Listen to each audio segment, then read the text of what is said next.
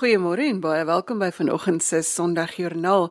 Ek is Liselde Brein en soos gewoonlik saam met Neuro agter die kontroles gesels ons vanoggend oor geloofsaake. Ons gaste vanoggend is professor Elna Mouton en sy gaan gesels oor haar loopbaan en aftrede en Pierre Jean Gerber kom vertel van 'n interessante teologiese biblioteek wat hy op Holliston bymekaar sit. Wouter Snyman gesels oor die mure van uitdagings en Polly Sil vertel vir ons hoe hy as Rastafarian oor geloof dink. Sondagjoernaal is as 'n potgooi beskikbaar. Ons kry elke week heel wat navrae hieroor en die antwoord is ja, dit is beskikbaar op RSG se webwerf by rsg.co.za.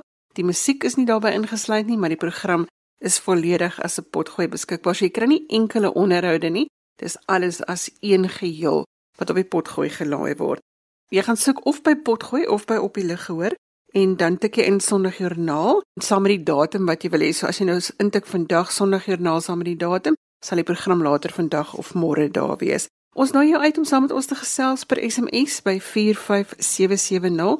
Dis elke Sondagoggend tog vir ons lekker om te weet dat jy dit saam luister en dat jy dit saam dink en saam gesels oor geloof en godsdiens en spiritualiteit en hoe dit 'n verskil maak. Hoe meer ons met mekaar praat, hoe meer verstaan ons mekaar. Jy kan ook saamgesels op Facebook. Ons sit elke week die program se inligting net soos wat ons dit op RSG se webblad sit, dan nou ook so teen donderdag op ons Facebookblad.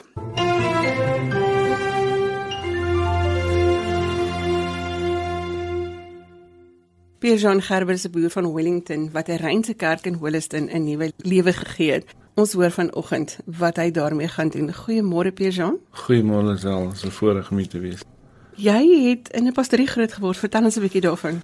Ja, my ouer vader was 'n uh, predikant gewees en hy is in 87 oorlede en in verskillende gemeentes gewees. En ek sal nooit vergeet nie, sy kantoor het altyd uh, baie uh, teologiese boeke gehad. Hy het 'n pragtige versameling gehad. En dat ek altyd in een stoel gesit en dat ek die hele een muur van sy kantoor was boeke gewees. En uh, toe hy nou oorlede is, moes ons die pastorie ontruim en die boeke is gepak in bokse en so het dit net nou maar rondgereis saam met my moeder en dan saam met my. En van die boeke kon ek nou uitpak destyds in 'n boekrak of twee, maar ek het altyd die idee gehad om iets te doen daarmee, miskien 'n vertrek in te rig of so iets. En toe hierdie kerkie nou uh op die mark kom om te koop op 'n tender, openbare tender. Toe het ek gedink wel miskien is dit 'n slegte idee, maar uh uit die aard van die saak gaan ek baie meer boeke koop. Ek wil nou juist vir jou vra. Hoe bring ons 'n boer van Wellington in 'n kerk op Holliston bymekaar? Vertel ons daai storie. Ag, ek het 'n belangstelling in ongewone eiendomme of uitdagende eiendomme en die kerkie uh, het ek gesien geadverteer in 'n koerant op 'n tender en ek het iemand geken van Holliston en hom 'n navraag gedoen, maar uh, ek het nooit eintlik gaan kyk nie en ek het 'n offer gemaak en toe ek nou uh, dit kry toe ek nou gaan kyk daarna en ek was regtig verstom vir al die binnekant van die kerkie. Die buitekant het eh, redelik werk nodig gehad. Redelik gerestoreer. Ons het baie geverf, ons het van die vloere gedoen, ons het die teelwerk gedoen. Daar's baie baie werk ingesit en ek het 'n skrynwerker van Wellington wat vir my baie help en ek het hom daar gaan los. En nou ja, lyk dit pragtig nou. So, jy nou die kerk gekoop en hom gerestoreer? Dis 'n Reinse kerk wat toe nou verkoop is. Dis reg ja, dit was deel van die NG Kerk later jare en toe die NG Kerk nou 'n groter kerk gebou wat 'n baie imposante plek ook is.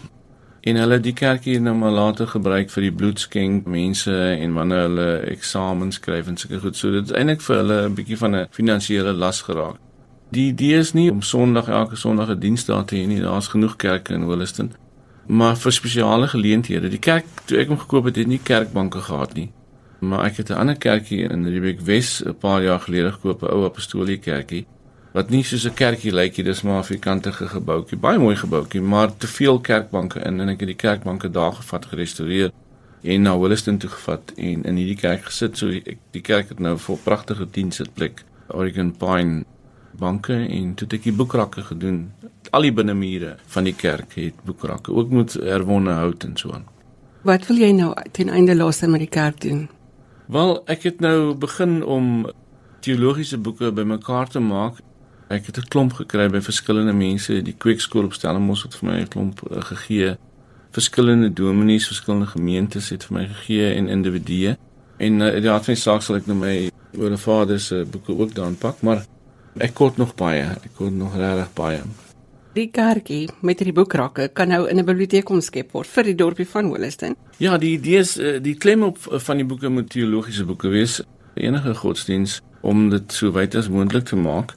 Eh, dit moet basies wees as iemand daar byvoorbeeld 'n boek gaan soek wat hy nêrens op Google kry of in 'n biblioteek nie. Miskien is daar die moontlikheid dat hy so iets daar kan opspoor hy of sy want van die boeke wat ek nog gekry het is ongelooflike goed. Ek meen dis, dis Hollandse boeke, is Duitse boeke, daar was Franse boeke, Engelse boeke, Afrikaanse boeke.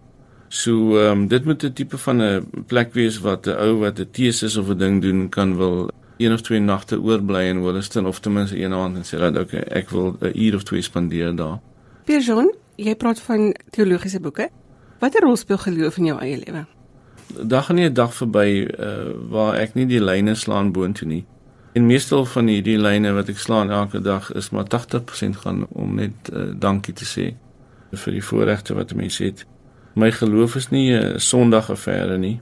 Dis vir my 7 dae 'n week veral seker omdat ek so baie val en struikel in sonde doen. Jy boer en as 'n boer is 'n mens afhanklik van die natuur en alles wat daarmee saamgaan. En min of meer met elke boer wat ek praat sê, dit hou jou op jou knieë. Ja, nee, nee, boerdery is 'n ding wat jou gremering afhaal. Dit is nie ligte musiek nie en ek dink dit is amper 'n soort van 'n roeping. Jy moet regtig veral as jy in die droë dele ook boer, dan is daar eenmal min afstand tussen jou en die man daarbo. Pierre sê vir ons, so met ander woorde, daar's baie mense met boeke in hulle huise wat hulle nie weet wat om mee te doen nie. So hier is nou 'n plekjie op Williston waar hulle afgegee kan word. As mense jou wil kontak om te sê ons het boeke, kan hulle nog vir jou gee. Daar's nog plek. Ja nee, asseblief. Ek is in Wellington, maar ek en my een dogter het nou in die vakansie met die bakkie gery en uh, boeke gaan haal by twee dominees, een in Oudtshoorn en die ander een in Mosselbaai.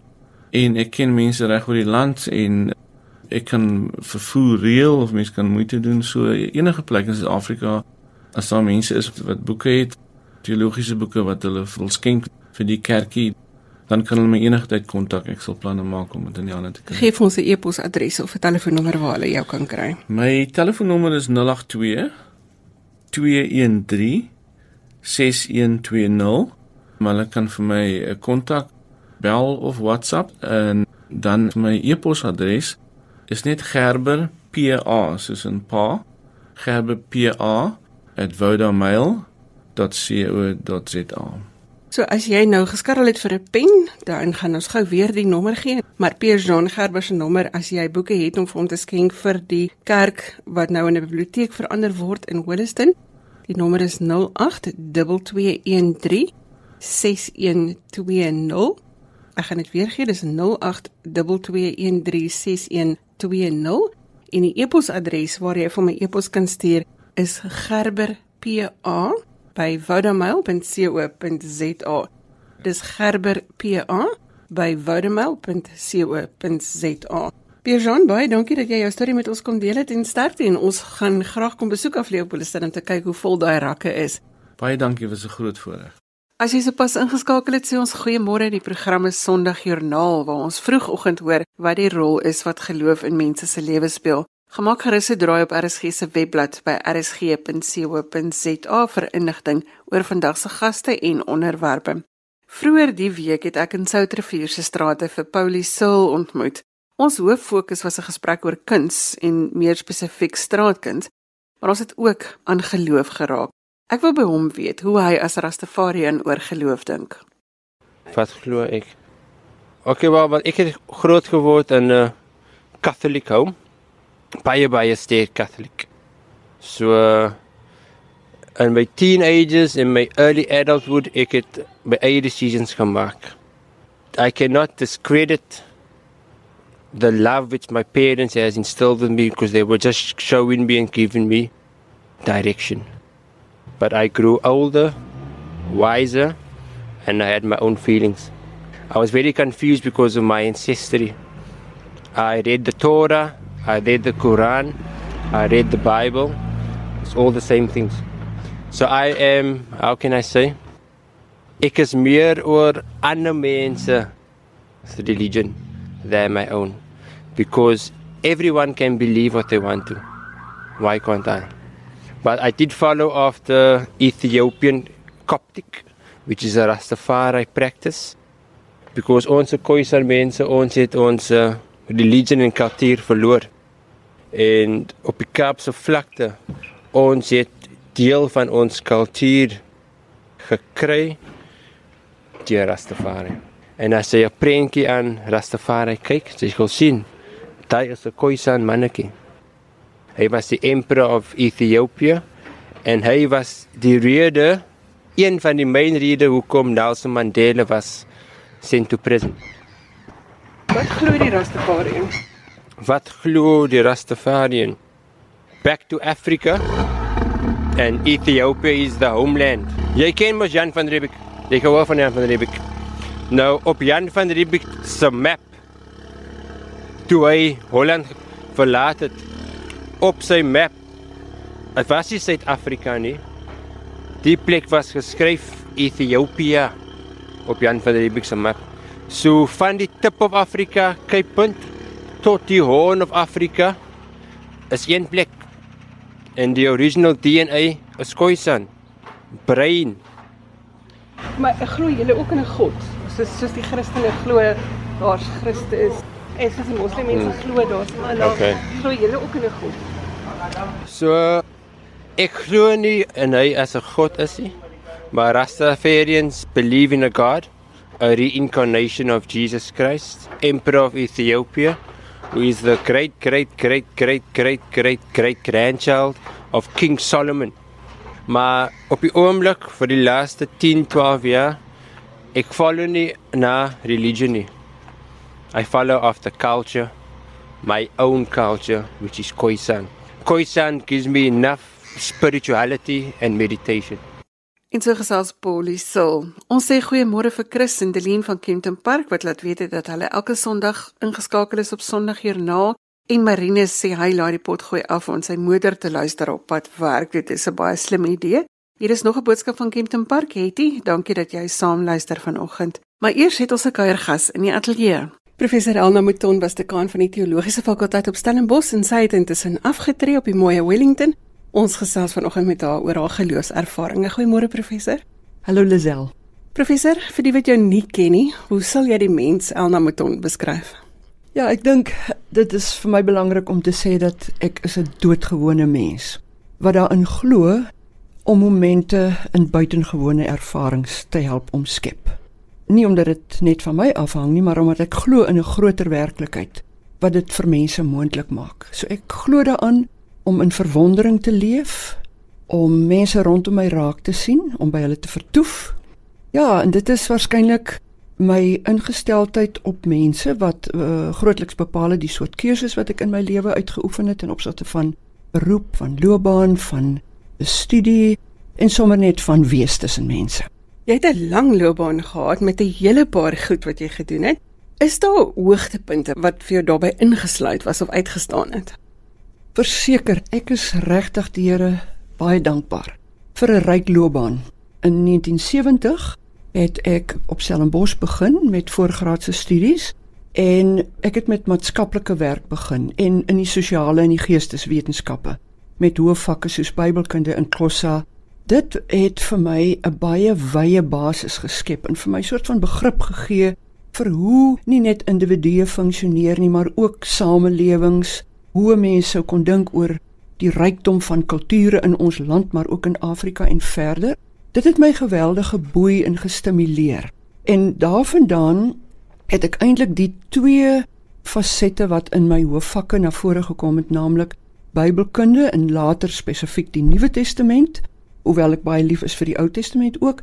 Dit aan die een kant het my geënergeer en motiveer om altyd weer nog meer te lees en te dink, krities te dink en verder te studeer en aan die ander kant tussen mense, langs mense te beweeg en saam met hulle te dink oor hoe kan ons 'n beter samelewing skep. Tot by die punt waar dit by huisgesinne kom tot by wat ek glo nogal die kern van baie dinge is naamlik wat gebeur rondom die etenstafel. Daar waar mense nog saam eet nie noodwendig by 'n tafel nie maar daar waar mense in hulle mees intieme oomblikke bymekaar is so daarvandaan het ek beweeg na die Transkei ek het daar begin en veral op die jeug gekonsentreer Daarvandaan het ek na Port Elizabeth beweeg waar ek met fabriek en hospitaal bediening was, veral by die Livingston Hospitaal.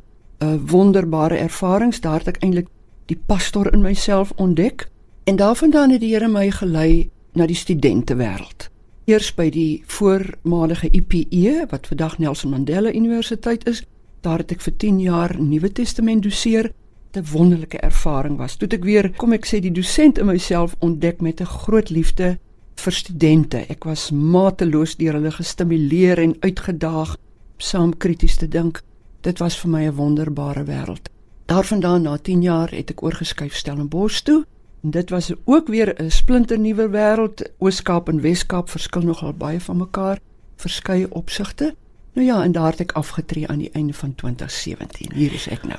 Dis my so mooi storie van in hierdie kitswêreld waarin ons leef. Want ons almal kits bo uitkom. Ons wil almal 'n kitswerk hê met 'n groot salaris.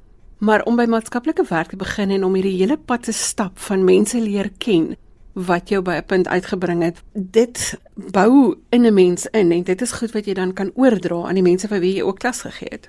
O, verseker, en presies dit, eh, dit is vir my die sleutel tot hoe my loopbaan uiteindelik ontwikkel het dat die twee goed teorie en praktyk die hele tyd met mekaar verweef was.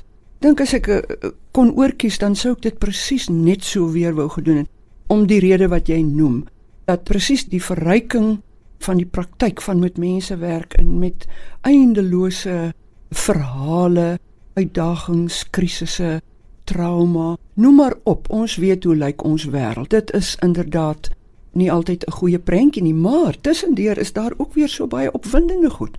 Mense is wonderbare bronne van energie en van inspirasie en van uithou vermoë.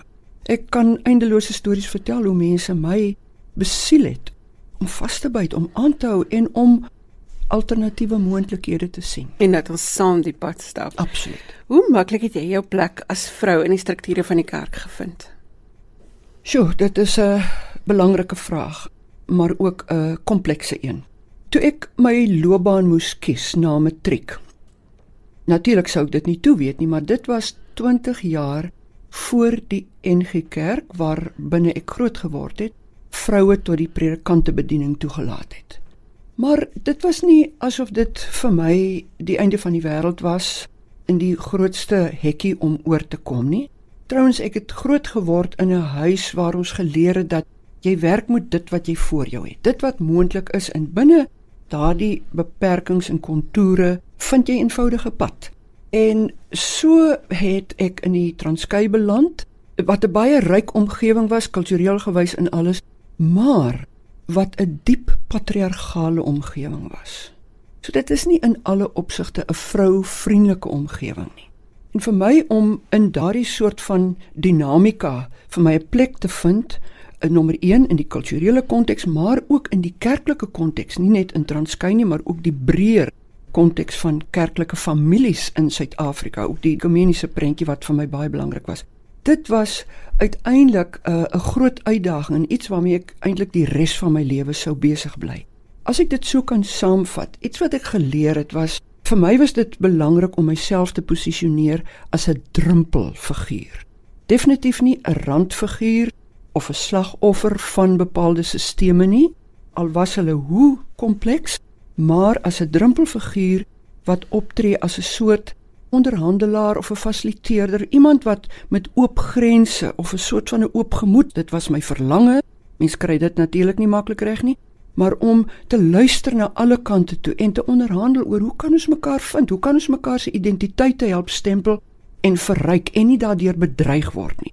En ek dink as ek miskien dit so kan saamvat, dan sou ek sê dit het vir my lewenslange uitdaging gebly en ek is eindeloos uitgedaag en verryk daardeur En weer eens dank ek die Here vir die spesifieke tyd wat ek my identiteit moes help vind en formuleer binne kerklike kontekste. Watter rol speel geloof in jou lewe? Dis 'n lekker vraag.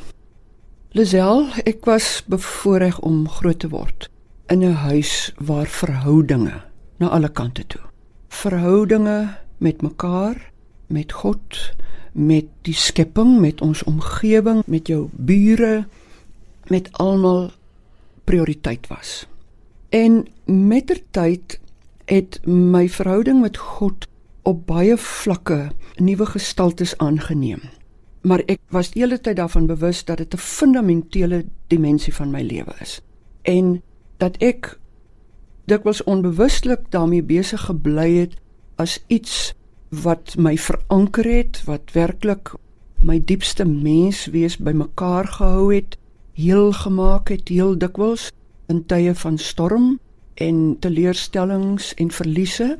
Ja, geloof my verankering in God en medemense in die wyeer ekosisteme van die skepping ensovoorts is vir my primêr belangrik en iets wat ek graag wil vertroetel en versorg sodat dit ook vir ander mense lewegewend mag wees, verkwikkend mag wees.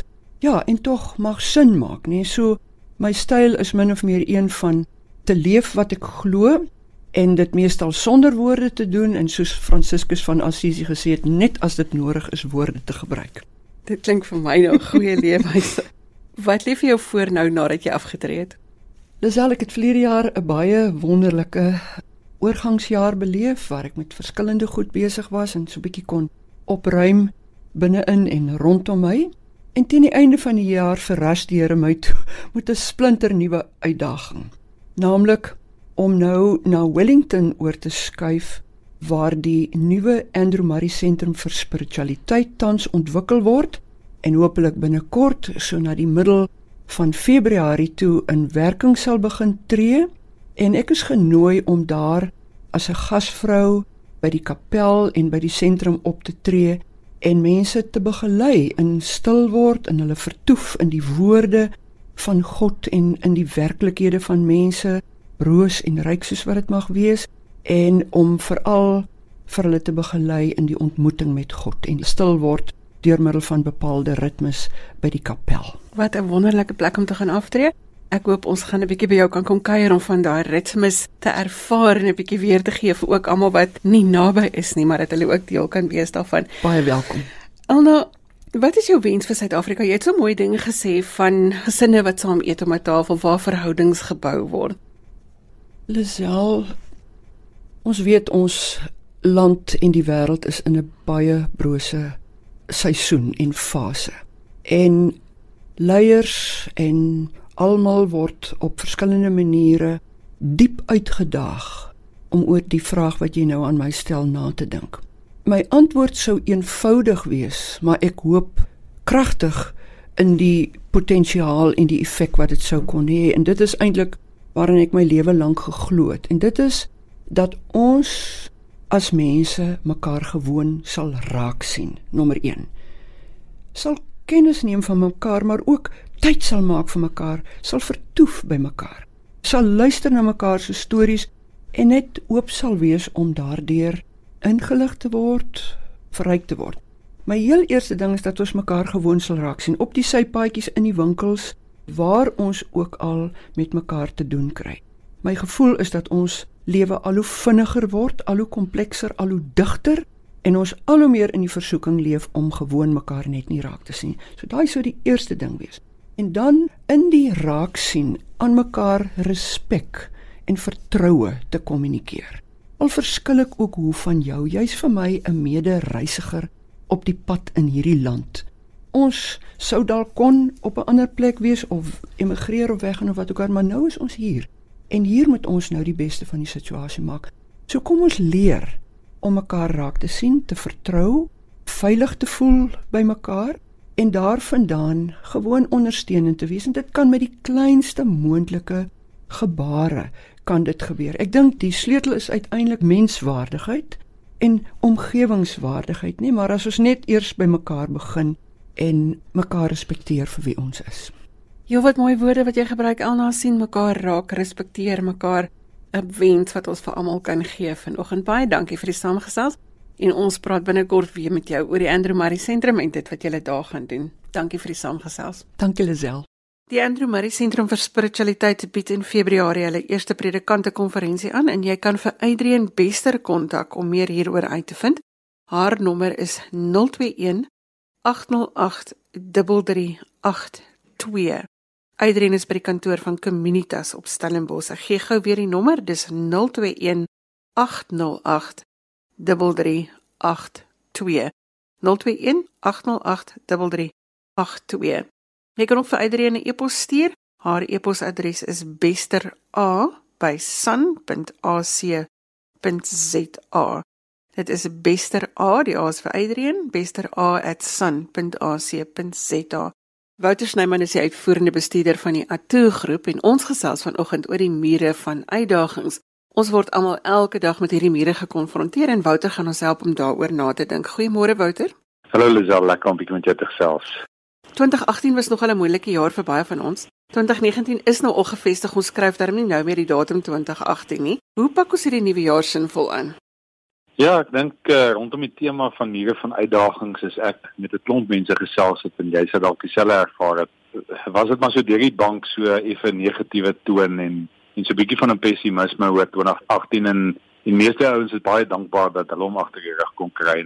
Dit laat my dink aan die Joshua van ouds wat die Israeliete daar uit die Egipte uit gelei het.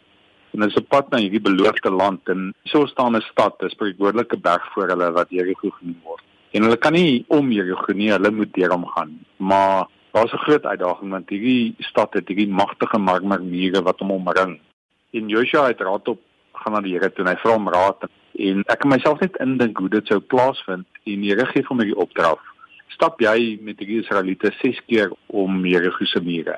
En ons weet dis een van die bekende stories in die Bybel en ons weet die sewende dag hulle sewe keer omstap, maar daar's 'n baie definitiewe instruksie en dis eintlik doodgewoon is dat julle mag nie met mekaar gesels nie. Julle moet in stilte dit doen. En ek kan myself net indink hoe hierdie Israeliete so verbaas na mekaar kyk en maar sê, een dis 'n baie snaakse opdrag en die tweede ding is, hoekom moet ons stil bly? En dis doodgewoon net dat die Here het geweet dat as hulle begin praat onderling met mekaar. Na die eerste dag gaan hulle dalk begin gesels en gesê maar hoor hierdie is 'n sinnelose oefening.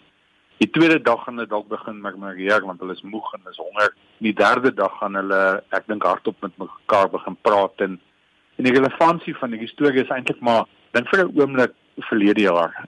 Toe dit moeilik gegaan het ekonomies het ons Suid-Afrika so die laaste 10 jaar, ons praat van die verlore dekade waar die res van die wêreld eintlik ekonomiese groei het Suid-Afrika self opgeleg dit nie gedoen nie en ek en jy was dalk aan die ontvangkant daar. Hoe het ons braaivleisgesprekke gegaan met vriende waar ons gemaklik is? Daar was nie noodwendige positiewe of optimistiese toon daar rondom nie. En dit kan baie maklik kan dit 'n malkop veroorsaak wat jy so 'n doodspiraal ingaan waar ons mekaar negatief beïnvloed. En die Here het dit geweet want hy het 'n groot uitdaging vir hulle gegee en hy het doodgewoon net gehad dat ons moet vertrou. En dalk was 2018 so 'n spreekwoordelike muur vir jou tussen jou en jou doelwitte en en jy 2019 ingekom en gedink dankie Vader dit is verby. Maar wat gaan anders wees in 2019 en dis 'n vraag wat ons mekaar moet afvra om regtig te sê pak ek dit met nuwe moed en ywer aan want ek weet die Here is aan my kant, maar ek persoonlik gaan dalk werklik iets anders moet doen en dis ook die uitdaging wat vir ons staan vir hierdie nuwe jaar. Jy sê 'n baie belangrike ding in die sin van eerstens is die instruksie stap 6 keer en dan 7 keer en tweedens is die instruksie doen dit in stilte. Ek weet nie hoeveel van ons sou regtig nou daai instruksie volgens die letter gevolg het nie. Vir 2019, wat is die impak van ons woorde?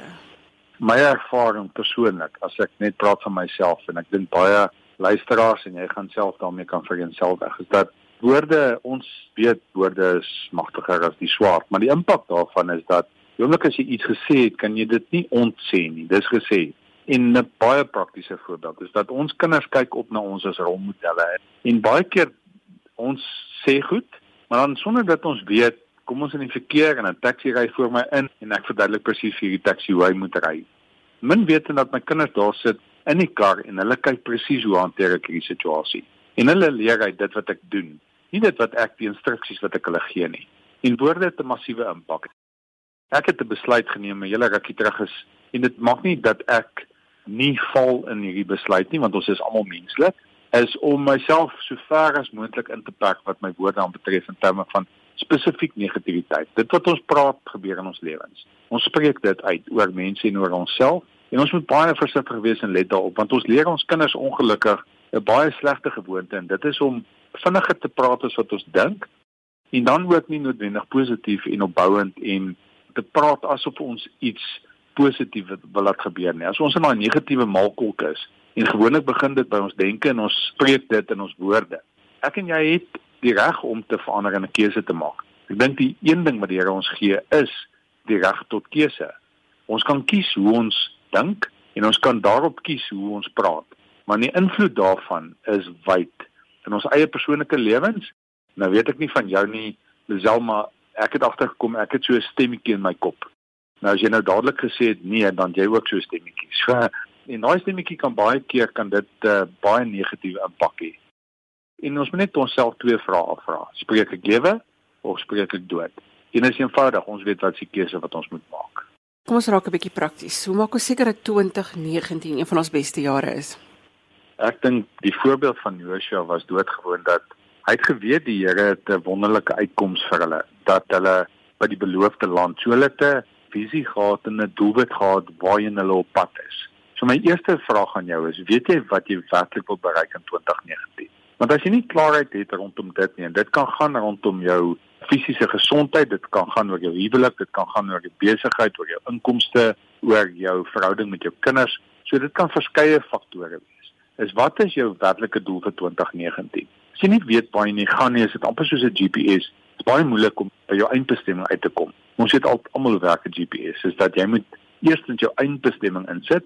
Die tweede vraag is waar is jy nou? Want dis ook hoe 'n GPS werk. Hy moet presies weet waar jy begin sodat hy by jou eindbestemming kan uitbring. So as jy weet waar jy nou is, menende wat het verkeerd gegaan in 2018 en wat is die redes daarvoor? Nou daar's twee redes gewoonlik. Die rede wat ons voorhou, weet jy wat dit was die ekonomie of dit was die politiek of was die mense om my? En dis doodgewoon verskonings want ek en jy het geen beheer oor wat die regering doen of mense buite ons invloedsfeer nie. Ek en jy het wel beheer oor ons eie lewe. So ons moet eienaarskap daarvan vat en dit beteken dat ek nie 'n vingerwys oefening het nie. So waar is ek nou en wat het verkeerd gaan in 2018? Want as ek daai twee bakenpunte het en ek en jy weet hoe werk 'n GPS as jy jou Google Maps aansit, jy gee nie om oor die volgende 150 km wat jy moet ry nie. Jy volg maar net die volgende 100 meter. So dis doodgewoon daai dissipline van gewoonte. Wat doen ek vandag wat my by hierdie eindbestemming gaan uitbring? En vir Joshua en die Israeliete was dit om daai eerste tree te begin stap. Daar's 'n ou Chinese spreekwoord wat sê the journey of a thousand miles starts with the first step. Wat is die eerste stap van aksie wat ek moet neem? Want jy sien, baie van ons het wonderlike doelwitte en ons begin gewoonlik 'n jaar met nuwejaarsvoorneme. Statisties is dit bewys dat so min of meer 90% van mense daar reeds opgehou met hulle nuwejaarsvoorneme. Hulle doodgewoon het nie daai eerste stap geneem nie. My vorige voorbeeld van 'n maratonatleet. Jy begin nie met 'n doelwit van om 'n maraton te hardloop en dan begin jy môre met 21 km nie. Jy hoef net met 'n kilometer of 100 meter. Jy moet iets doen. Jou tekkies uithaal en aan te trek en om die huis te stap. So wat is dan die eerste stap wat jy moet neem om jou by jou uitbestemming te kry? En dan die laaste punt is is deel dit met jou geliefdes en jou familie om jou om jou rekenskap te hou, om jou eerlik te hou in terme van hierdie doelwit wat jy wil bereik. Is dat baie keer as ons dit vir onsself hou, het jy nie nodig om rekenskap aan ander mense te gee nie. En ek weet doodgewoon dat as jy 'n doelwit het met iemand wat jou rekenskap, jou accountability vernoot gaan wees, is jou kans eintlik 60-70% beter net deur daai een verskil te maak. So as jy 'n fikse doelwit het of jy wil 'n bietjie gewig verloor hierdie jaar, hoeveel is dit wat jy verloor? Wanneer wil jy dit doen? Wat is die eerste stap wat jy moet neem om daarby uit te kom en jou accountability vernoot in hierdie reis van jou? Dan kan 2019 dinamies 'n ander jaar vir jou en my wees. Vader baie dankie dat jy ons herinner het dat ons elkeen 'n accountability vernoot by ons moet hê. Iemand wat ons kan herinner aan dit wat ons doelwitte is en waarheen ons werk. Dankie vir die samegesels vanoggend. Dankie Lisel, lekker om jou te gesels weer. En daarmee het dit geword vir ons om te groet. Jy kan vir my e-pos met kommentaar of as jy 'n geloostorie met ons wil deel, my e-posadres is lizel@wwmedia.co.za.